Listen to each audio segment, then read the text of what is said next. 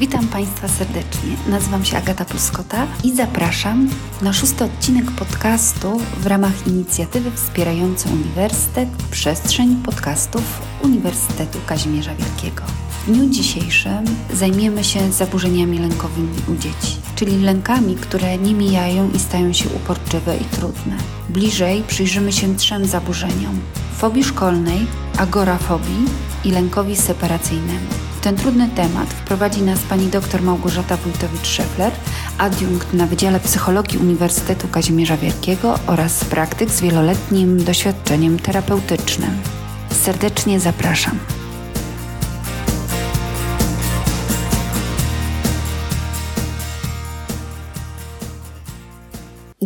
Mówiłam o emocjach w różnych kontekstach, ale głównie skupiałam się na lęku. Lęku pierwszoklasisty przed rozpoczęciem jeszcze szkoły, lęku uczniów, którzy już rozpoczęli naukę szkolną i powiedziałam, że ten lęk jako nieprzyjemny stan emocjonalny związany z przewidywaniem zagrożeń może towarzyszyć nam w różnych sytuacjach, ale może być też lękiem, który nazywamy tak zwanym lękiem rozwojowym. Lękiem, który pojawia się w określonych trudnych momentach, tak jak na przykład teraz była pandemia i na pewno wiele dzieci doświadczyło lęku wywołanego właśnie strachem o to, co będzie, jak dalej będzie układało się życie, jak dalej będą funkcjonowały inne osoby z najbliższego otoczenia, osoby ze szkoły i tak. Często te lęki nie przeszkadzały w codziennym funkcjonowaniu. One oczywiście się pojawiały, na chwileczkę powodowały zakłócenie pewnego myślenia, czy powodowały nieprzyjemne emocje, powodowały stres, takie przewidywanie, że coś nagłego, niepokojącego może wystąpić, ale miały, ponieważ kolejna fala pandemii zmniejszała swoje siły rażenia, obniżano obostrzenia i Lęki, które mieliśmy z powodu pandemii COVID-19, też u dzieci, u uczniów na początku bardzo silne, stawały się coraz słabsze. Ale też chciałabym powiedzieć dzisiaj o tym, że są takie lęki, które nie mijają tak szybko, które możemy nazwać rodzajami zaburzeń lękowych, stają się na tyle uporczywe i na tyle trudne do poradzenia sobie z nimi, że już nie możemy ich nazwać lękami rozwojowymi, czy lękami, które związane są z daną sytuacją stresową, z daną sytuacją trudną, z pandemią, tylko stają się fobiami. Chciałabym dzisiaj powiedzieć o dwóch rodzajach fobii. Właściwie one są ze sobą powiązane, dlatego że będę mówiła o fobii szkolnej, a fobia szkolna należy do rodzaju fobii społecznych. A więc chciałabym powiedzieć o tych dwóch rodzajach fobii, ponieważ te dwa rodzaje fobii mogły wystąpić jako zaburzenia lękowe czy jako zaburzenia nerwicowe właśnie w związku z sytuacją pandemii. Zacznę od tego, czym jest fobia szkolna. Najczęściej fobia szkolna charakteryzuje się uporczywym lękiem odczuwanym w określonej sytuacji, w określonych miejscach, kojarzy się z określonymi przedmiotami czy zjawiskami, dlatego że, tak jak mówiłam wcześniej, lęk wywołują procesy wewnętrzne, które dotyczą myśli, wyobrażeń czy przewidywań czegoś, co może się wydarzyć. Jeśli mówimy o tych uporczywych lękach, to warto wiedzieć, że towarzyszą one dziecku w różnych sytuacjach, ale mają charakter subiektywny. Bardzo często tylko dziecko je odczuwa. Najczęściej jest też ten lęk nieuzasadniony, to znaczy wszystkie inne osoby dookoła nie odbierają tej sytuacji jako zbyt trudnej czy przeciążającej. No, nie tylko mówię o sytuacji pandemii, ale w ogóle różnych sytuacjach, które mogą wystąpić w otoczeniu dziecka.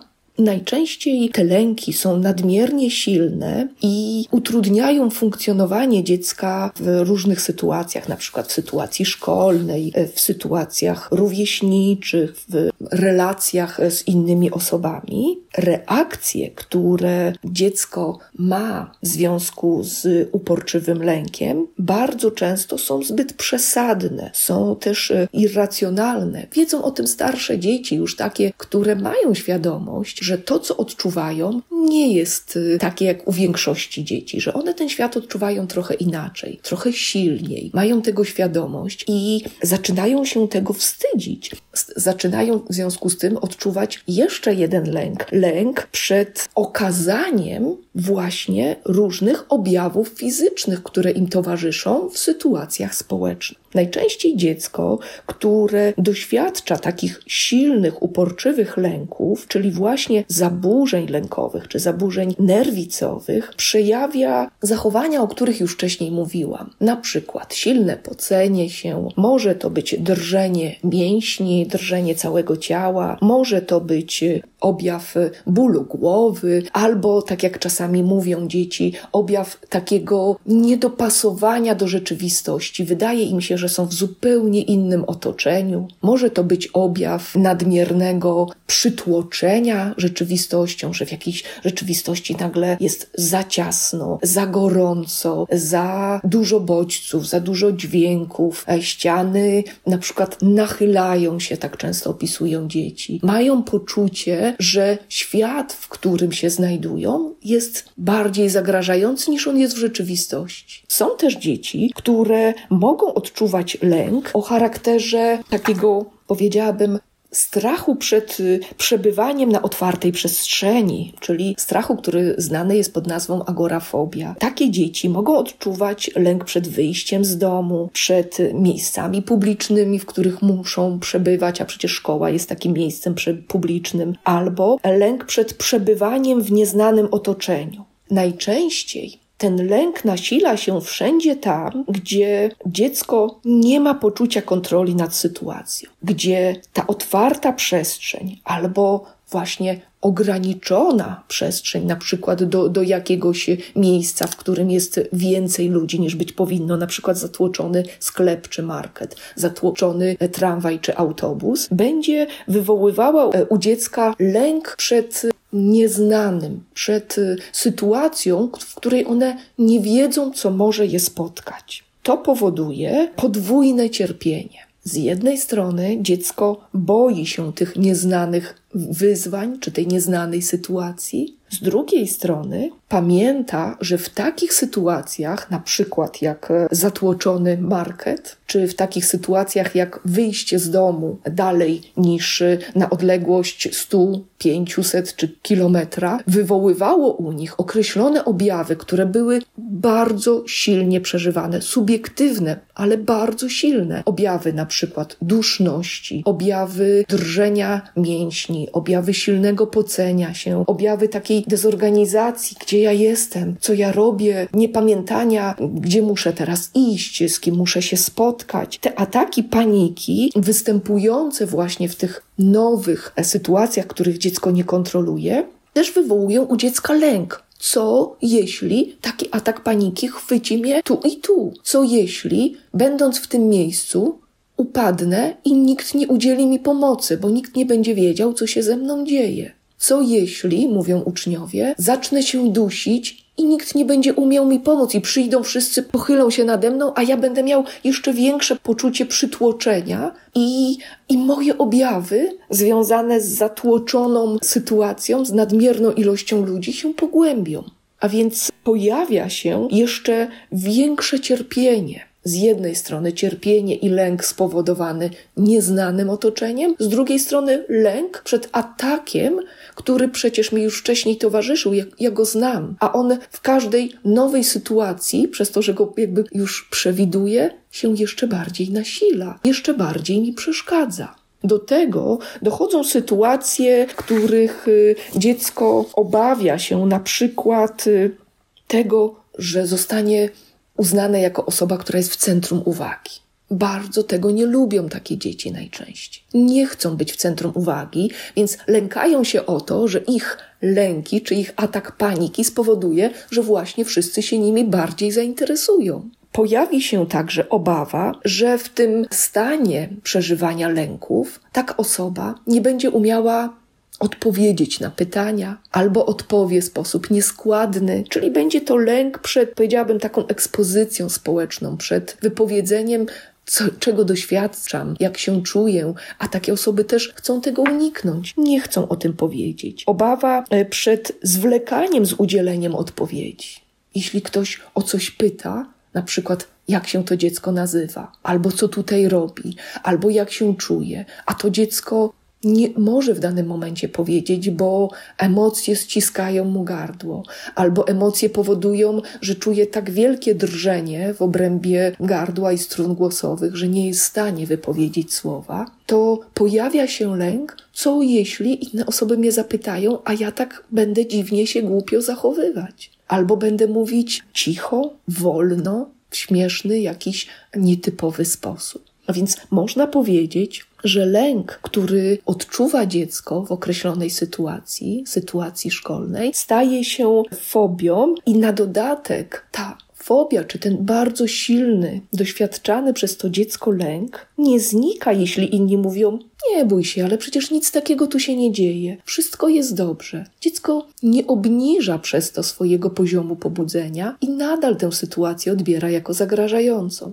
Czuje się jeszcze bardziej źle, ponieważ czuje się wyobcowane. To tylko ja jestem jakiś inny, albo ja jestem jakaś inna, dziwna, bo odbieram tę sytuację inaczej niż wszyscy. Do tego dochodzą somatyczne objawy, takie jak pocenie nadmierne, nudności lub wymioty, nagłe parcie na mocz i potrzeba nagle oddania tego moczu, czy też podwyższona temperatura ciała, która może skutkować tym, że u dziecka pojawiają się wypieki, pojawia się pot na czole. No, powoduje, że takie dziecko będzie obawiało się, że wśród rówieśników będzie postrzegane jako dziwak. Będzie pojawiał się kolejny lęk. Lęk przed ośmieszeniem, przed odrzuceniem przez rówieśników, przed kompromitacją, przed całym otoczeniem społecznym. Fobia szkolna czy odmowa chodzenia do szkoły może współwystępować z niepowodzeniami szkolnymi, czyli dziecko doświadczyło już wcześniej tego, że zostało źle ocenione, że czegoś nie umiało, że zostało wyśmiane, bo coś zrobiło w sposób niewłaściwy, ale chciałam podkreślić, że nie zawsze tak jest, że fobia występuje jakby w związku z tym, że dziecko nie potrafi się czegoś nauczyć. Co więcej, może występować wśród dzieci bardzo uzdolnionych, dzieci bardzo ambitnych, dzieci, które wszystko chcą zrobić jak najlepiej, wręcz perfekcyjne, bo mają poczucie, że zawiodą. Mają tak wysokie aspiracje, tak wysokie standardy tego, co należy robić i w jaki sposób należy się zachowywać, że odbierają całą tę sytuację szkolną jako sytuację właśnie przeciążającą, bardzo chcą być we wszystkim dobre, we wszystkim najlepsze i w związku z tym odczuwają silny lęk przed tym, że nie sprostają czyimś oczekiwaniom. Ta fobia powoduje, że dziecko staje się nadmiernie skupione na sobie, na tym, jak wygląda, na tym, jak inni je odbierają, jak inni o nim myślą i czy widzą na przykład, że się denerwuje, kiedy czegoś nie potrafi idealnie zrobić, że trzęsą mu się ręce albo trzęsie się głos i czuje się to dziecko wtedy jeszcze bardziej ośmieszone, odrzucone czy skompromitowane. Więc fobia szkolna, która charakteryzuje się lękiem, a właściwie jej główną cechą jest to, że dziecko odmawia pójścia do szkoły, ponieważ już przewiduje, że pewne rzeczy będą się działy i nie chce tego doświadczać. Tak jak mówiłam już w poprzednich y, podcastach, szuka sposobu, aby od tej sytuacji uciec, aby z niej się wyzwolić. Takie dziecko będzie jeszcze doświadczało więcej lęków spowodowanych, e, można by było powiedzieć, e, stratą wynikającą z odrzucenia przez rówieśników, czy otoczenie społeczne, czy kompromitacji. To jest dla dziecka bardzo trudne, ale warto pamiętać, że my musimy e, dobrze zdiagnozować tę odmowę czy niechęć dziecka do pójścia do szkoły. Ponieważ Taka odmowa może wyglądać troszkę komicznie. Z perspektywy rodzica, który widzi dziecko rano,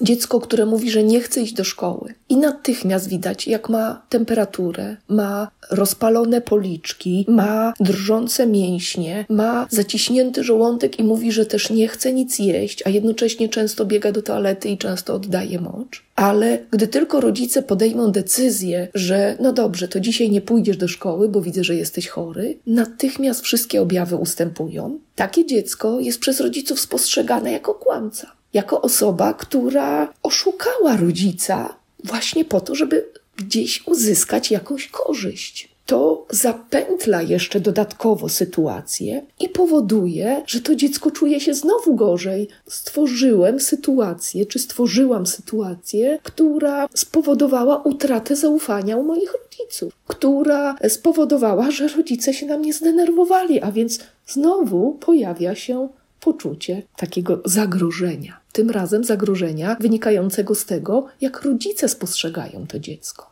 ten rodzic też uczy się, że on nie może tak łatwo ulegać dziecku i następnego dnia, pomimo że objawy u dziecka są takie same, już każe dziecku za wszelką cenę pokonać własne lęki i stawić czoło trudnościom. To powoduje, że u dziecka pojawia się jeszcze silniejszy lęk. Pojawiają się właśnie napady paniki, które jako fizyczne doznania bez wyraźnej przyczyny są jeszcze trudniejsze do przeżycia dla tego dziecka, jeszcze trudniejsze do opanowania, a więc początkowe objawy typu wzrost temperatury, wzrost bicia serca, czy poczucie omdlenia, czy, czy właśnie brak apetytu, bądź też nudności czy wymioty, to jest już tylko malutki, drobny objaw. Atak paniki jest atakiem bardzo silnego doświadczania negatywnych objawów somatycznych. I chociaż rodzic z takim dzieckiem udaje się do lekarza, robi wszystkie medyczne badania,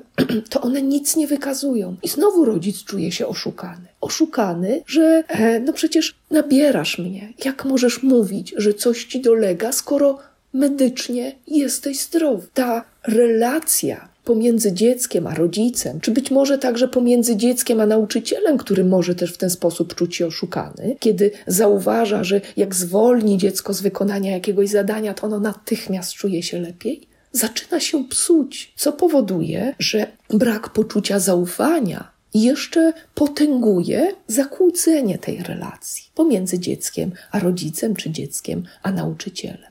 Bardzo ważne w związku z tym jest szybkie podjęcie działań, które mają na celu dobre rozpoznanie fobii szkolnej, czyli odmowy czy niechęci do chodzenia do szkoły.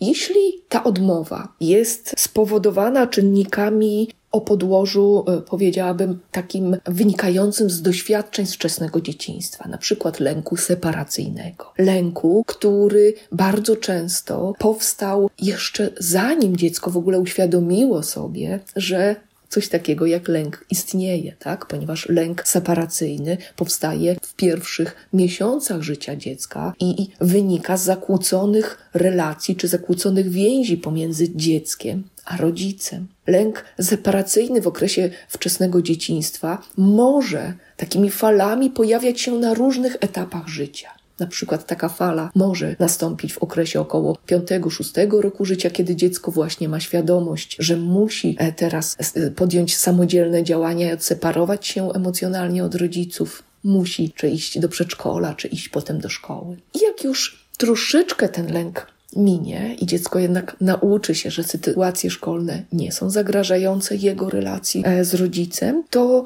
potem może powrócić lęk separacyjny za kilka lat, kiedy już y, zmienia się sposób funkcjonowania w szkole. Najczęściej to jest etap około czwartej klasy, bo te pierwsze trzy lata dziecko już nabrało zaufania, poczucia bezpieczeństwa, jeden nauczyciel, powtarzalne schematy, rytuały zachowań, które też pozwalają dziecku jakby poradzić sobie z tymi lękami. I nagle czwarta klasa, wszystko się zmienia i zmienia się także sposób funkcjonowania dziecka, który znowu wpływa na to, że dziecko zaczyna odczuwać lęk. Lęk separacyjny wynikający z jego wcześniejszych doświadczeń, doświadczeń związanych z budowaniem więzi pomiędzy dzieckiem a najbliższą osobą. Mogła to być mama, mógł to być tata, mogła to być babcia. Warto wiedzieć, że Każde dziecko potrzebuje przynajmniej jednej osoby dorosłej do tego, żeby wybudować taką więź opartą na poczuciu bezpieczeństwa i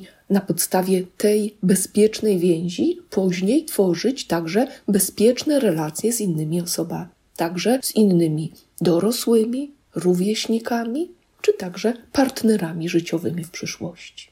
W związku z tym ta sytuacja jest bardzo zawikłana. Te lęki, o których tutaj powiedziałam, warto w związku z tym dobrze rozpoznać, czy one wynikają właśnie z okresu dzieciństwa, czy też wynikają z interakcji i wzorów rodzinnych, o których już mówiłam wcześniej, jak ważne jest to, czy rodzice są lękowi, czy mają lękowy sposób rozwiązywania problemów, czy w rodzinie występowały jakieś zaniedbania, problemy alkoholowe, przemoc albo choroba w rodzinie, która również mogła spowodować poczucie zagrożenia. Czy też są to różnego rodzaju indywidualne doświadczenia, które występowały w życiu dziecka i które również mogły spowodować, że dziecko boi się chodzić do szkoły. Na ostatnim spotkaniu mówiłam o tym, że te indywidualne doświadczenia mogą wynikać z relacji rodzinnych, z relacji koleżeńskich, czy też relacji z rówieśnikami. Ale warto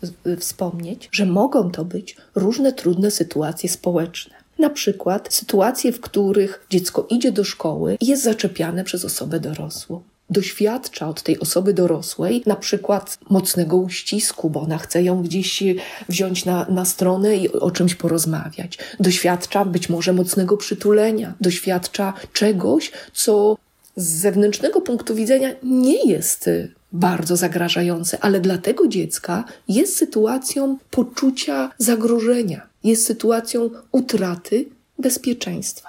Dziecko może nawet o tym nie powiedzieć rodzicom, ale pamiętać, przechowywać te doświadczenia. Może te właśnie miejsca, w których to się wydarzyło, na przykład gdy szło do szkoły, omijać i chodzić inną drogą.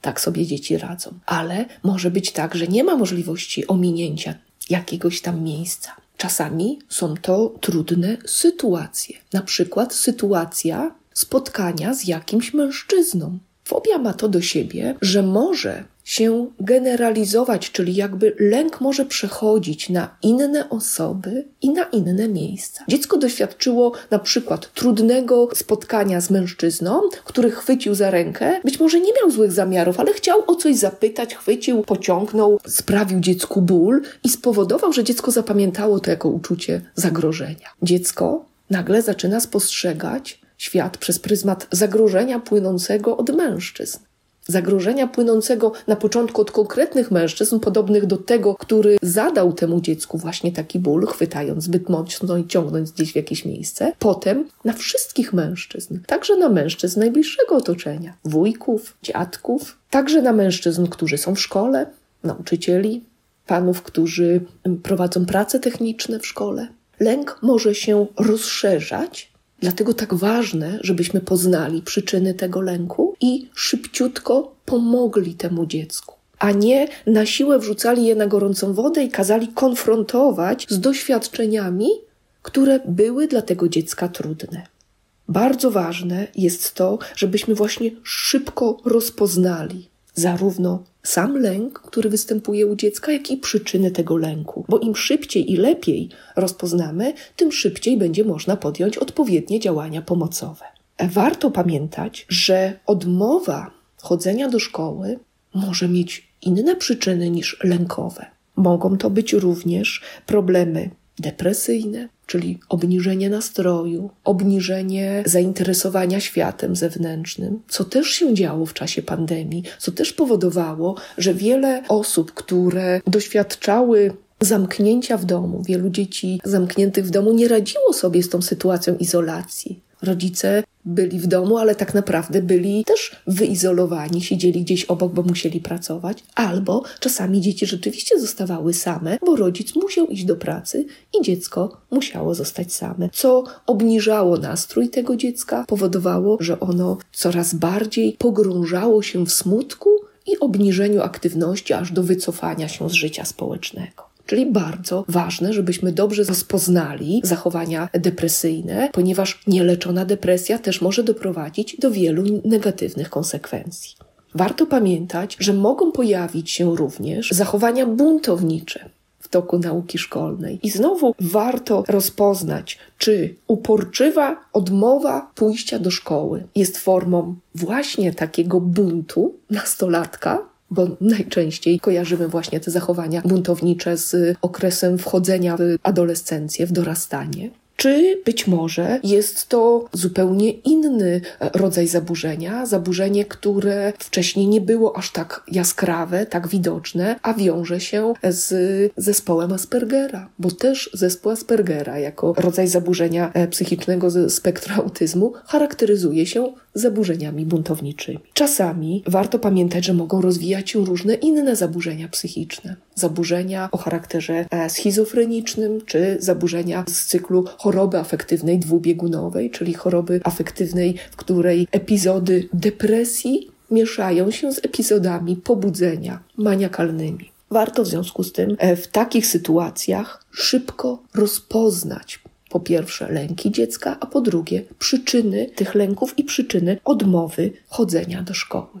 Jeśli dobrze rozpoznamy, można będzie dziecku udzielić odpowiedniej, zaplanowanej pomocy terapeutycznej, którą to poprowadzi odpowiedni specjalista. Najczęściej psycholog, to może być psycholog szkolny, to może być psycholog, e, specjalista pracujący w innym miejscu. A jeśli w danym momencie nie mamy możliwości skonsultowania tego z psychologiem, to jak pomóc dziecku? Przede wszystkim warto wysłuchać. Już powtarzałam to wielokrotnie. Warto dać dziecku czas na to, żeby nam powiedziało, co czuje. A jeśli nie umie o tym powiedzieć, to żeby nam pokazało to, co czuje w różny inny sposób. Narysowało, pokazało w ciele, jakie części właśnie źle działają z perspektywy tego dziecka. Warto rozmawiać o reakcjach, które dla tego dziecka są inne, nietypowe, zbyt y, silne, które powodują, że dziecko również czuje, że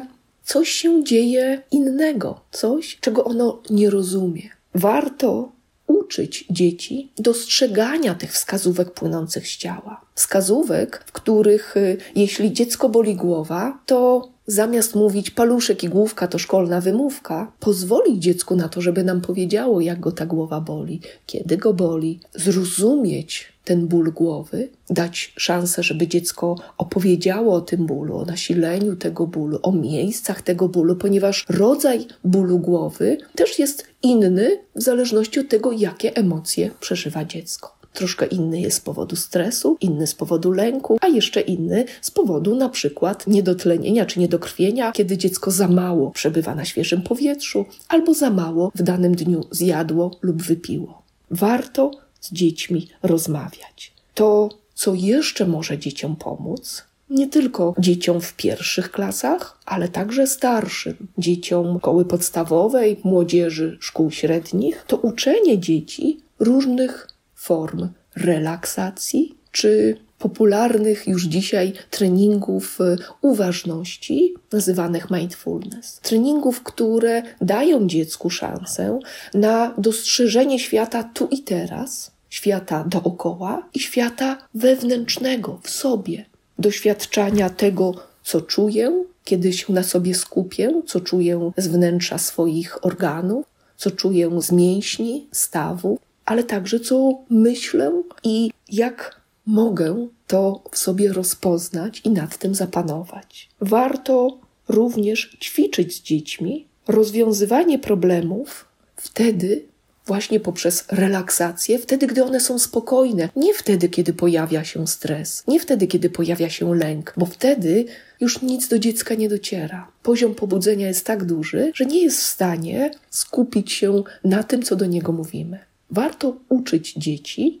rozpoznawania swoich emocji, zanim one jeszcze się pojawią, i radzenia sobie z tymi emocjami, kiedy dziecko jest spokojne i zrelaksowane. Warto skupiać się na oddechu i uczyć dzieci dobrego, świadomego oddechu. Oddechu, który tylko, tak wspomnę, powinien mieć charakter czterotaktu. Nie wiem, czy Państwo wiecie, ale bardzo ważne w świadomym, spokojnym oddechu są cztery takty. Jest to długi, spokojny wdech, zatrzymanie, długi, spokojny wydech, który powinien trwać mniej więcej tyle samo co wdech i chwilowe zatrzymanie.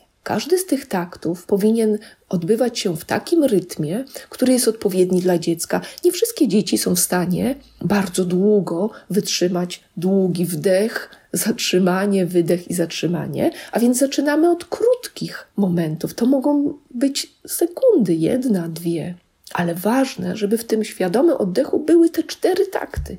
Życzę powodzenia w takim właśnie pomaganiu dzieciom w ich trudnych sytuacjach, w zaburzeniach, które mogą mieć różne przyczyny i rozpoznawaniu ich niechęci do chodzenia do szkoły. Warto pamiętać, że musimy umieć dobrze tę niechęć rozpoznać i umieć dziecku dobrze, odpowiednio pomóc. Dziękuję.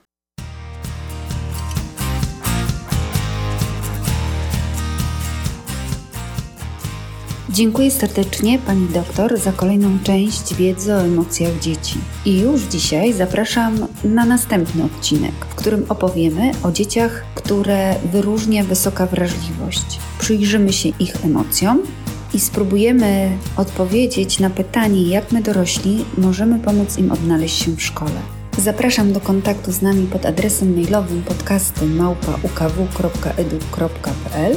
Czekamy na Państwa opinie, komentarze, propozycje tematów. Do usłyszenia.